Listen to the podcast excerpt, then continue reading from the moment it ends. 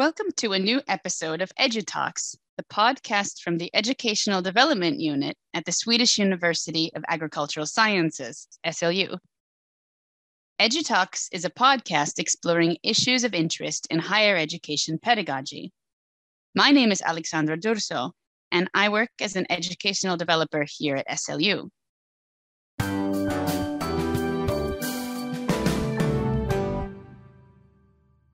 Mm-hmm. And that's where I think now you're getting into examples from maybe fields. I mean, of course, forests involve people, and there are lots of people involved in the work surrounding forests. But for the disciplines where perhaps, as you were saying, that it maybe seems unnatural to connect to local communities or not unnatural to involve people in the content. I mean, people are the ones conducting this work, right? I think that um, we can't get around the fact that we are all individuals with different life experiences, you know, different, as Peggy McIntosh would say, maybe these invisible backpacks that maybe make us um, less likely to see or understand other people's life experiences. You mentioned intercultural communication, Melanie, and I think that is a, a very interesting topic that maybe you know, I'm also curious about what does that mean perhaps for PhD students in the Global Challenges University Alliance course. Now I realize I'm asking you a bunch of questions and I'm just filling in, filling in, filling in with details.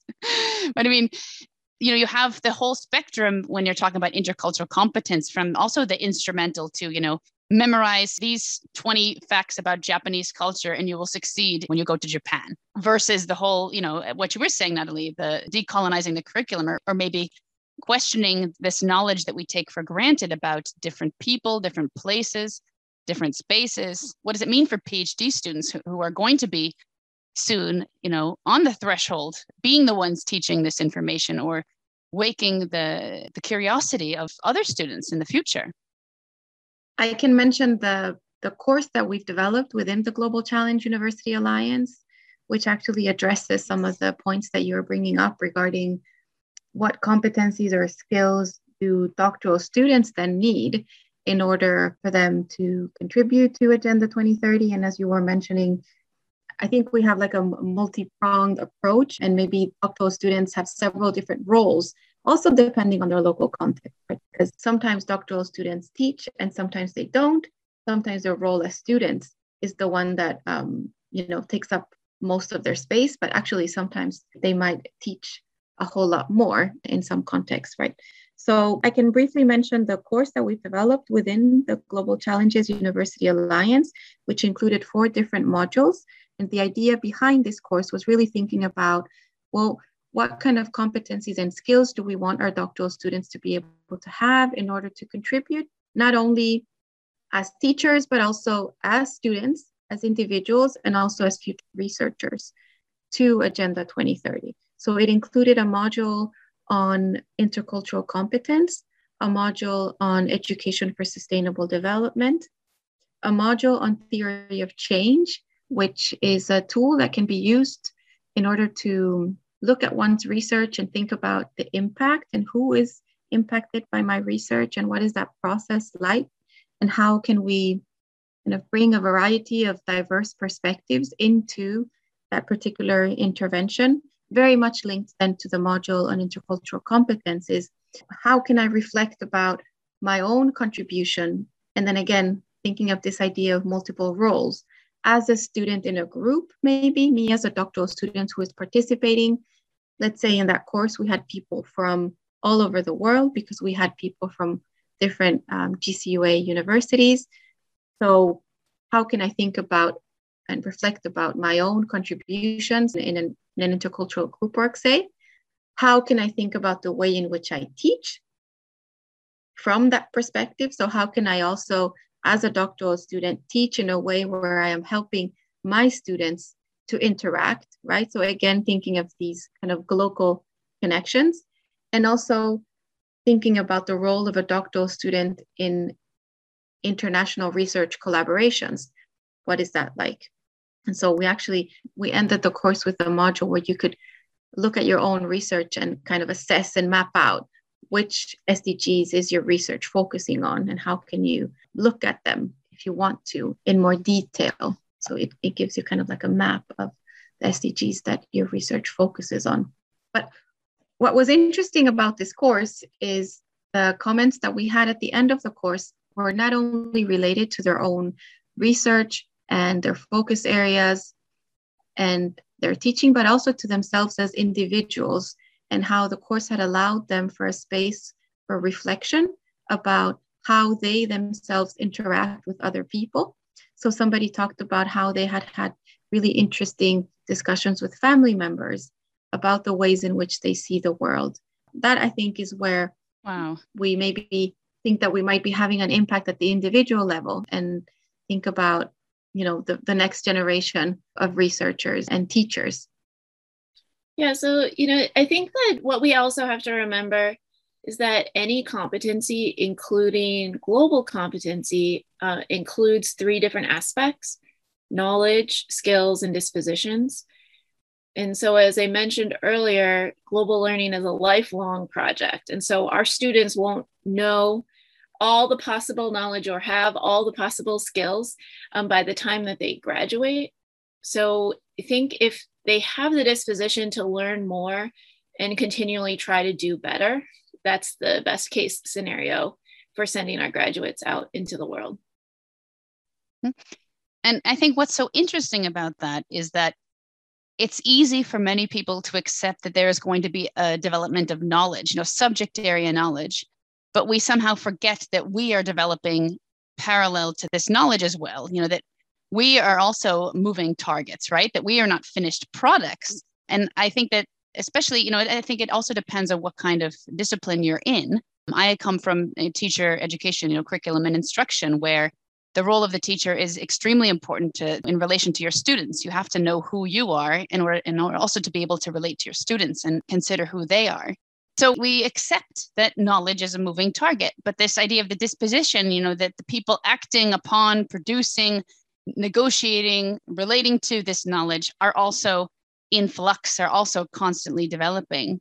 Um, Natalie, I don't know if you remember once when we we had uh, many many years ago with this Global Challenges University Alliance, a summer school course where we were talking, we did different kinds of exercises related to intercultural communication. And one exercise that I like to do um, relates to the idea of, you know, who am I as an individual, you know? And it's always astonishing every time I do that exercise in different contexts that people have a hard time answering that question. You know, I think that it's not so often that we're pressed to say who we are. And but it, that also depends upon maybe which perspectives we occupy or maybe how often we've been required to step outside ourselves, maybe defend ourselves insist on having place at the table, things like this. I don't know. What do you think? Um, as you mentioned a little bit earlier, I think we maybe don't give enough space to those conversations once we move into an academic setting and right. you know especially an academic setting within a particular discipline because we tend to think that science is objective there's a right there's a wrong a cell is a cell numbers are, are numbers and they don't fluctuate right there's a way of, of looking at, in particular disciplines, at knowledge and at things that are somewhat rigid. And I think that those conversations are also uncomfortable and not everyone Absolutely. maybe feels ready and prepared to handle those difficult conversations in the classroom, which is also understandable.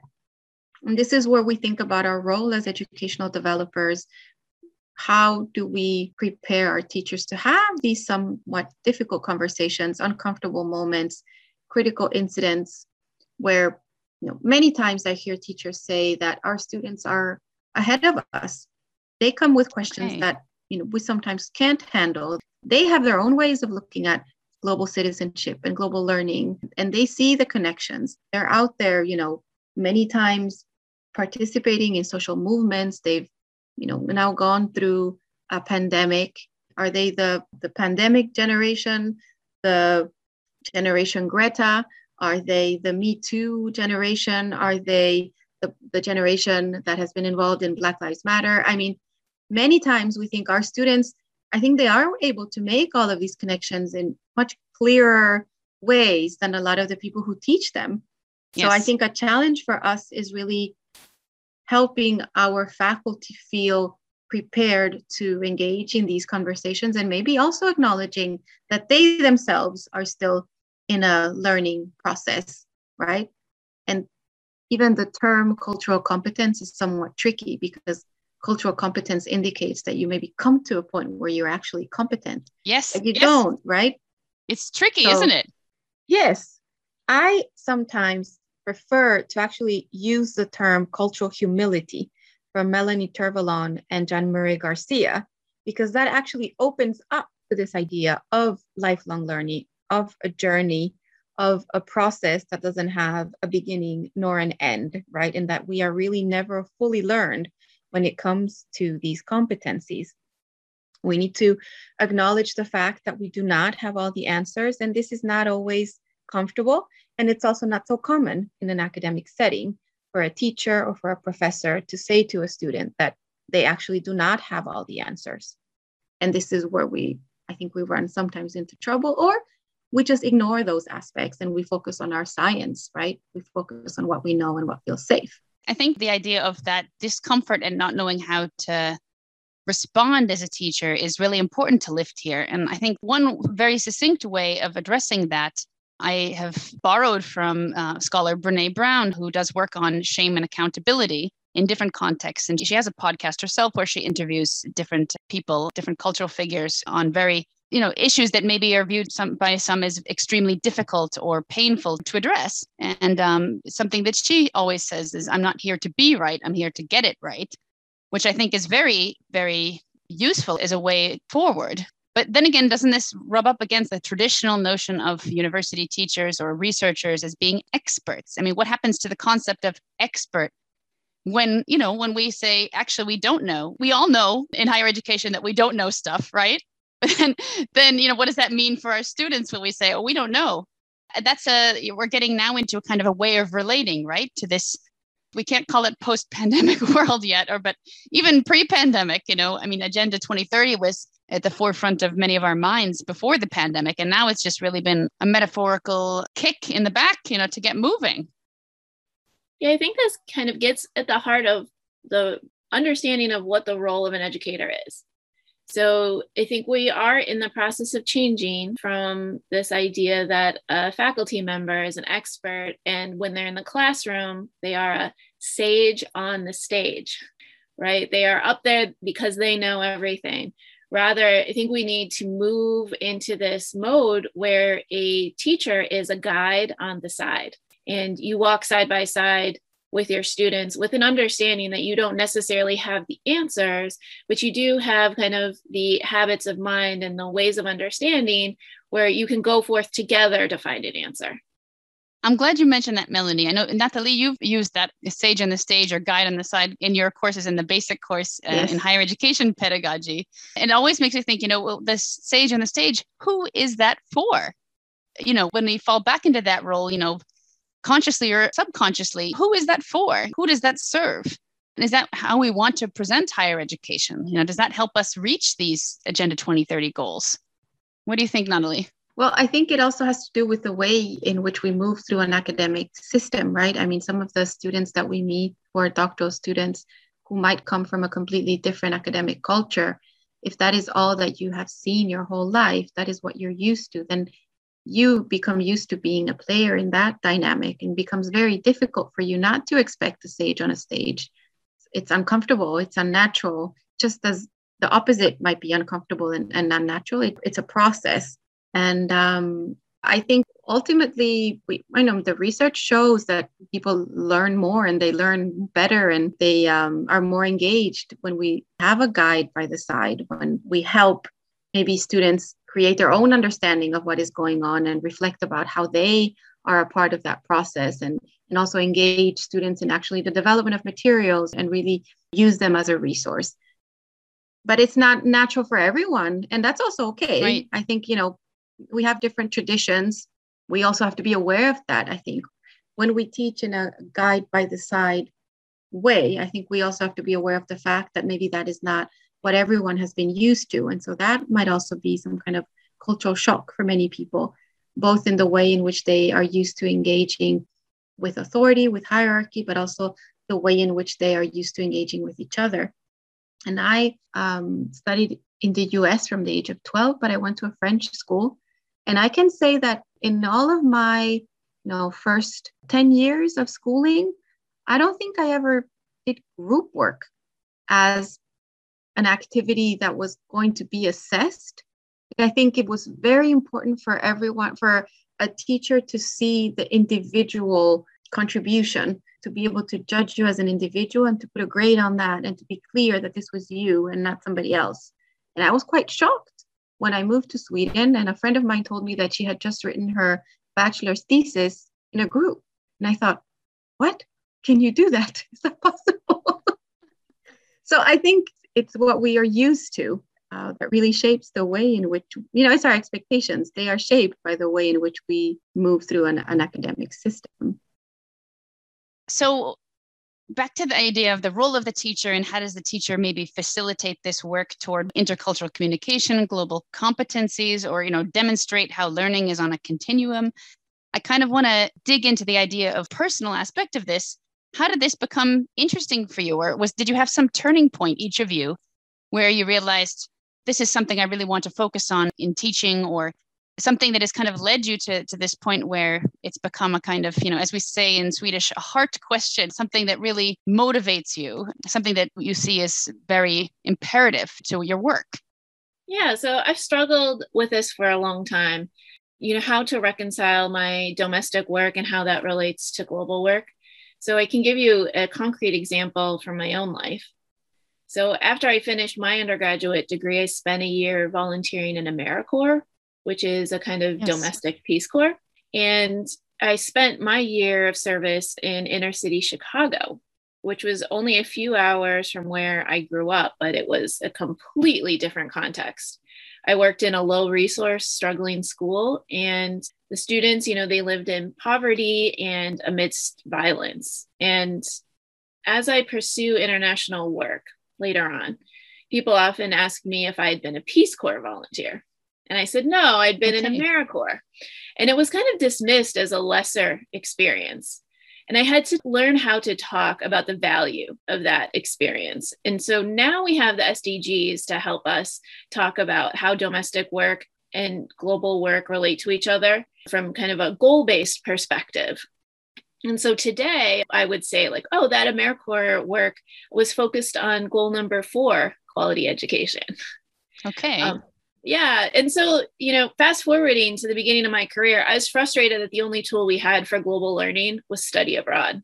Mm-hmm. And I took many students on all kinds of study abroad experiences around the world. And I saw a couple of things. So, first of all, we weren't reaching that many students. And of the thousands of students in our college, only a subset of them, you know, were studying abroad. And second, uh, the types of observations that they were making indicated to me that some of what they were learning could be taught at home. So, a concrete example many of our students come from rural areas and small towns. And when we study abroad, they often comment on things like riding public transportation, such as a metro or a train. And so, like, we don't have to leave the state of Pennsylvania for students to have that kind of experience. So I started thinking about what kinds of learning could happen within the borders of our state. And so, you know, I'll back up a little and I'll say I'm a rural sociologist by training. So when I think about pedagogy, I think about space and taking students out of their local context and transporting them to an international location can be really disorienting when it comes to thinking about how they can apply the knowledge and the skills that they learned abroad as they go forth in their careers and try to make positive and sustainable change. And our listeners don't see me nodding, you know, emphatically here, but I'm nodding emphatically, Melanie, because I think that you're so right that we really don't have to go far often, you know. I think even here in Sweden, we see, you know, okay, there's so much diversity just in the next neighborhood from where the university is. Why aren't we there more? Or why don't we really lift those collaborations that do exist and say that this is the model? You know, you're right. We don't have to get on a plane and go halfway around the world. Although, of course, that's historically been a very important way for learning or especially research collaboration and exchange. Hmm? Yeah, I think what's really important to highlight here too is there's kind of an assumption in study abroad that once you change geographic location, you have this amazing transformative learning experience. Right, right. Right. but then we also have to think about just because the neighborhood next to the university is diverse, it doesn't mean that interactions with people in that community are just going to take place naturally. I right. think this is really the role uh, that we can play as educators. I read an article several years ago, and now I'm kicking myself that I didn't bookmark it, but about the idea of what do students really learn on study abroad trips. In fact, in some cases, their experiences can reinforce stereotypes. Um, this sounds familiar. I see. I think that maybe it's familiar to both of you. That unless you have this guide on the side, perhaps get, helping you reflect critically upon what's happening around you or how you're taking place in a different environment, then perhaps it has a backfire effect. It doesn't give us this kind of transformative learning experience yeah. that is perhaps assumed will occur, right? By just changing environments.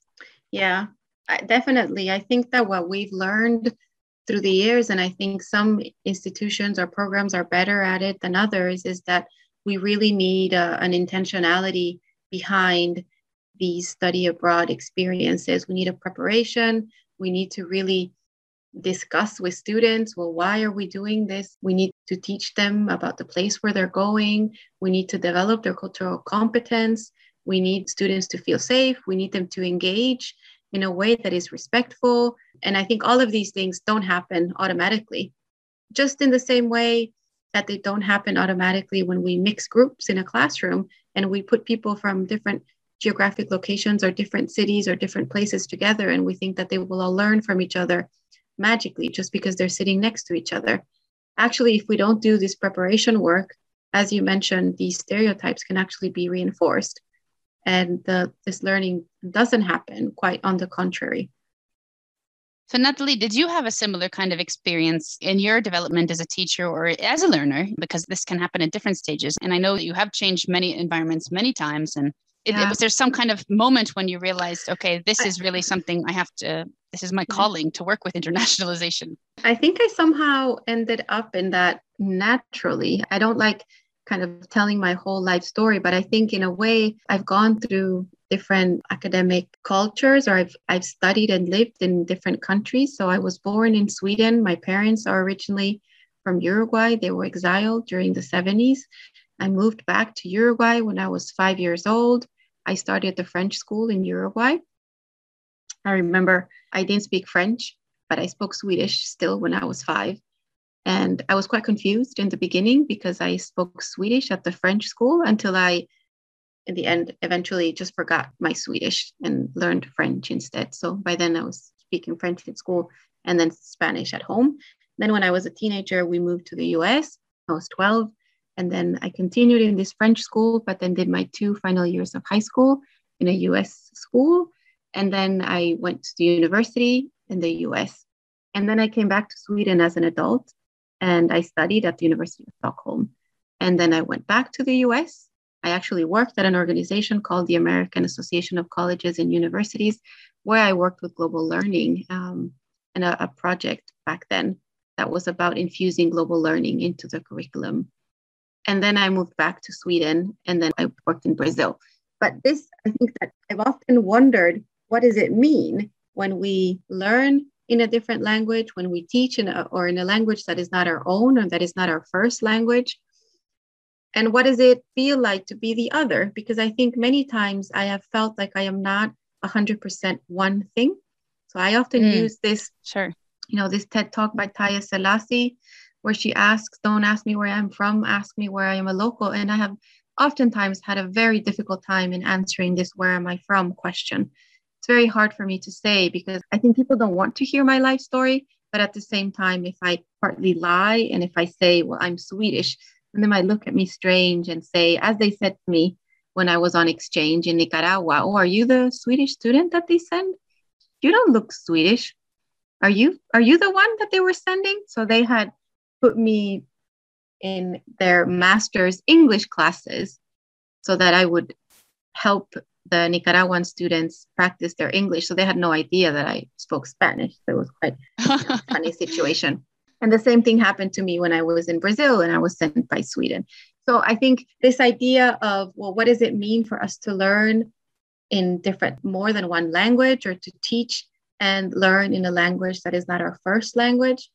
but also how do we make everyone feel included? What does it mean when you um, kind of fluctuate in and out of different identities? How does that play into the way in which you learn and also what you teach? I think all of these questions have always been quite interesting for me and have, have actually, I think, spurred my interest in this idea of internationalization because um, they are quite real to me somehow. I've kind of lived them in a way. Thank you, Melanie and Natalie, for sharing those experiences. I think it can be helpful perhaps for other teachers to hear well, what, you know, how have other teachers in higher education kind of proceeded on this journey? How have they identified what institutional support exists or what kind of colleagues or allies do they have in this work? Um, I know you mentioned also, Melanie, the idea of having great institutional support for study abroad as kind of like of achieving global learning from a university perspective, perhaps.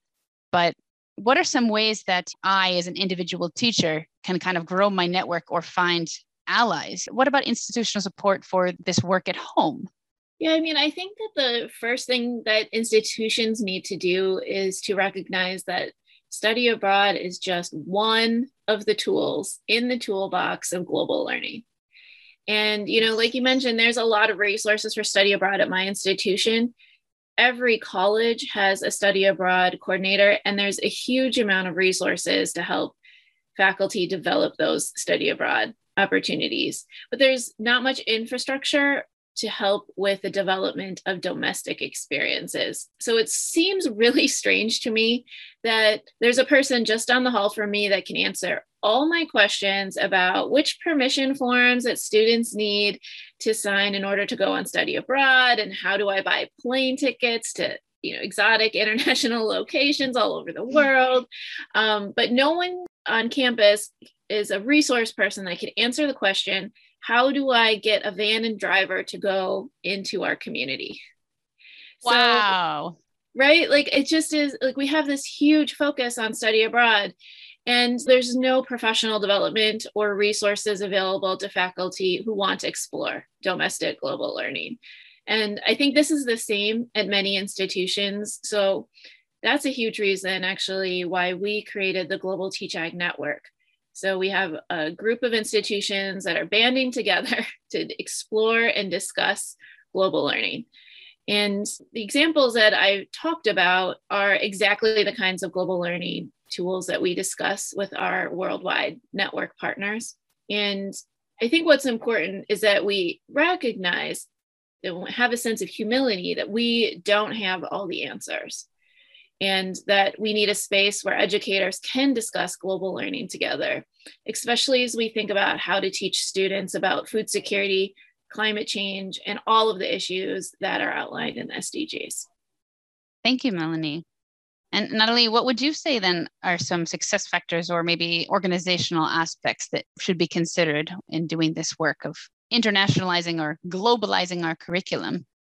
Yeah, I think that what Melanie is mentioning ties into this idea of internationalization at home, which I think SLU has started to pay more attention to and really thinking about what is the environment that we are creating at home for international students who come from other countries, but also how are we working with these issues and infusing our curriculum for the students who aren't able or do not want to or cannot travel. Because for some programs, it is very difficult. For example, the veterinary science students have a very difficult time participating in study abroad.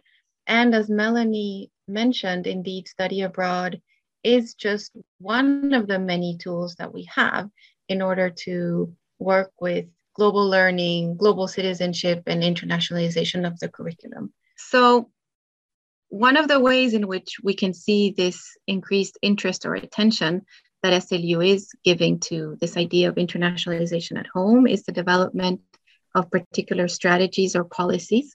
So SLU now has a document for the internationalization of education.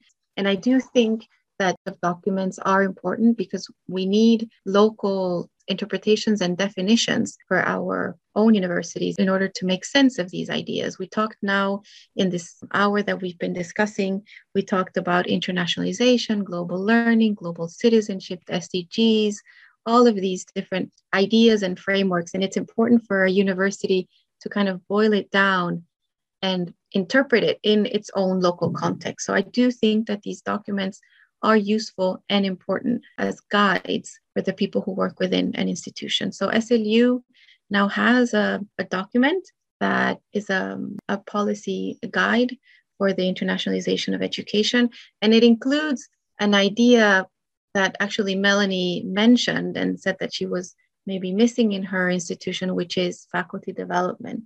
I think as an educational developer, of course, I believe in the training of our teaching staff. And I think we cannot have the expectation that our teachers will be doing some of the things that we discussed in this podcast if we don't train them. Just like we can't expect our students to learn from each other if we don't have an intentional process behind the way in which we design group work, the way in which we prepare them for study abroad. We also can't expect our teaching staff to incorporate a lot of these ways of teaching without allowing them proper training and proper support.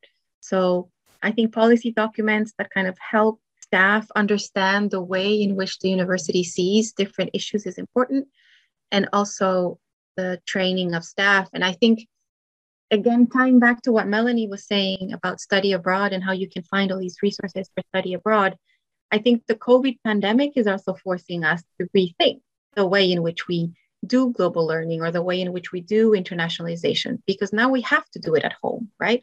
All of a sudden, we can't travel. So the COVID pandemic is forcing us to take maybe a deeper look into what we really want and what we really mean with internationalization, when at the same time, it is highlighting a lot of the inequalities that are present, right? Because we see, well, who has access and who doesn't, and who is sitting in our campuses, who has a computer, who can log on, and so on. Mm-hmm. Yeah, who can get so, a visa to attend a conference, you know, by virtue of what passport you hold, all of yeah, these things. Who can get a vaccine. So, yes. yeah, I think kind of highlighting a lot of these issues and kind of bringing them up to the surface and having us really pushing us to think about why we do things and what we mean when we do them. So, um, something I hear both of you saying is the in connection to the idea of this global learning kind of as a moving target is, you know, us between the world and it's a constant journey. It's something we'll do forever. So, we've talked about institutional perspectives. We talked about the different kinds of qualities related to global education, you know, connected to Agenda 2030 and having a more socially sustainable education at different levels what does it mean for the educator, the globally competent educator, the teacher who would like to be globally competent? What is some advice that you maybe have for these people? Yeah, I think that's a really interesting question to think about because I do think that one of the tools that a globally competent educator can use is just to be honest with students about where you are and sharing with them, like basically what I call pulling back the curtains Okay. Um, right. so mm-hmm. I think when you focus on the purpose of why we're doing this, there's the idea that we're not going to be perfect at it right out of the gate, but the idea is to practice. So when you focus on the purpose and you explicitly share that with students, I think that there's a lot of room to have these conversations, recognizing that you know and they know. So I think that's one strategy to use. I also think there's a lot to be said for having a high tolerance for ambiguity. For example, one of the things that I do is I teach a class with a plant pathologist. I am not a plant pathologist, but both of us have to have a lot of space in which we recognize that we are not an expert in the other person's field. And we have to be okay with that. And that's a skill that we can practice. And then we can also share that with our students and be really upfront about what we're doing and let them see how we're modeling that behavior. So I think there's a lot of things that we can do depending on the context in which we're teaching and also what the learning objectives are the modeling aspect is really, really, really important. We have at SLU a course for teachers called Educating for Critical Thinking and Criticality.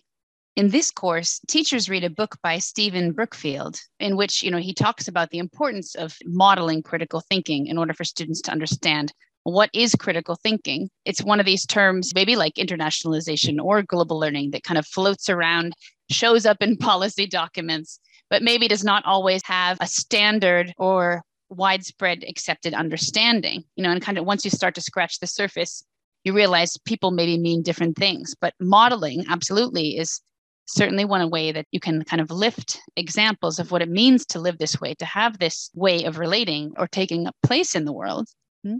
Yeah, and I think also sometimes our faculty don't have safe space to discuss amongst themselves and to right. you know learn from each other and exchange ideas and I know Alexandra that this is something that you are also engaged with now at SLU is trying to create some kind of forum where people can exchange ideas and discuss and and maybe do some of this work that Melanie is mentioning, right? Maybe if you realize that you're not the only one who doesn't have all the answers, that you're not the only one who feels insecure about discussing a particular topic, or, you know, I hear a lot of people who sometimes are hesitant to teach generic skills because they feel that that it's outside of their comfort zone, outside of their subject, and they won't be able to right. test them and evaluate them. So maybe having a space where you can actually discuss with colleagues, whether it's within your department or whether it's something that is driven more centrally by the university, where you can realize that, well, you're not alone and you can actually learn from your colleagues. The other thing that I also think is important to mention before that I want to make sure we, we mention is that I think a lot of our teachers do bits of internationalizing the curriculum without realizing and a lot of people work in this way, sometimes consciously, sometimes unconsciously, sometimes very in the design from the beginning. Sometimes it's big things, sometimes it's smaller things. But I think a lot of the people that might hear us might feel like, oh, I do some of this, I do some of that. Am I internationalizing the curriculum? Maybe. And it doesn't really matter what we call it, right? As long as we infuse some of these ideas and these ways of working and these ways of doing into the, the teaching and learning at our universities, sometimes it doesn't have to be something that means redoing a whole course. It can be smaller interventions that can have a big impact. It's a bit like when we started discussing intended learning outcomes. Well, maybe there's, there's lots of people who are listening who feel that a lot of the things that we've taken up, they already do. And then that is great. Yeah, you're right. I think that there are a lot of great things happening that we don't always maybe have a name for or we don't necessarily share because teaching often ends up despite maybe sometimes best efforts to be a solitary endeavor we don't necessarily have the time resources to work as an intellectual community and i think if you also the idea of humility that you mentioned earlier it kind of runs counter to this notion of when we're competing against each other for applying for funding for example you know we we are taught and conditioned to put our, our best self forward but then here we are saying let's step back and be human beings and help each other get further in this process so here at Penn State, one of the reactions that we've had about this idea of you know what can educators do you know on their own, we have created a faculty learning community focused on global learning and agriculture. And what we have decided as a group of faculty is that what we really need is just space in which to talk about our teaching. Yes. Because, like you say, this is a very solitary endeavor and many professional development events that we might go to, someone's talking at us. What we really need is the opportunity to just talk and share amongst ourselves. And that's all we do. We meet at lunchtime during normal times. And you know we have lunch together and spend an hour talking about our teaching. And that is probably the most useful professional development i have in this space is just that opportunity to learn from others or others can bring their questions to the table and say like hey you know this isn't working for me. What suggestions do you all have? So i do recommend that as a really easy place to start is just get together with your colleagues and start talking so melanie i think that that example just kind of really low stakes maybe informal communication with each other you know i mean that's really the heart of it isn't it? I mean you mentioned that that's kind of of course has become hindered during the pandemic because we don't run into each other at the local restaurant or the penn state creamery you know getting an ice cream fond memories. But i think that there's so many different ways we can recreate those opportunities. I mean for global learning for me this is one of them this conversation right here. You know the fact that we're okay we're stuck in our respective environments but we're meeting on zoom here to discuss this uh, idea of international education or global education Agenda 2030, you know, how you're working with this in different education contexts. And for me, this is the heart of it, isn't it? This informal conversation. We can do a lot, even though we maybe are not able to, to travel, whether it's to Philadelphia in your case, Melanie, or for us, you know, having collaboration in different places across the world. We're not totally stopped and we can be creative and, and find ways to keep doing this work and maybe even do it better. I think there's some aspects of what we're doing now that maybe we want to take with us after this is over. So I'm really grateful to both of you, Natalie and Melanie, for taking the time to join us today. Thank you for having me. Thank you for joining us, Melanie. It was really interesting and I think inspiring to get to hear really how another university, a GCUA member, is doing some of this work. And I hope that we might be able to collaborate in the future and even do the work that we do even a little bit better by maybe learning something from the things that you are doing. I look forward to a great collaboration in the future. Thank you so much, Melanie and Natalie. And to our listeners, thank you so much for listening to this episode of EduTalks at SLU. My name is Alexandra Durso, and I'm grateful to have had the opportunity to speak with Melanie Miller Foster from Penn State University and Natalie Jelinek, my colleague here at SLU. Please stay tuned for our next episode.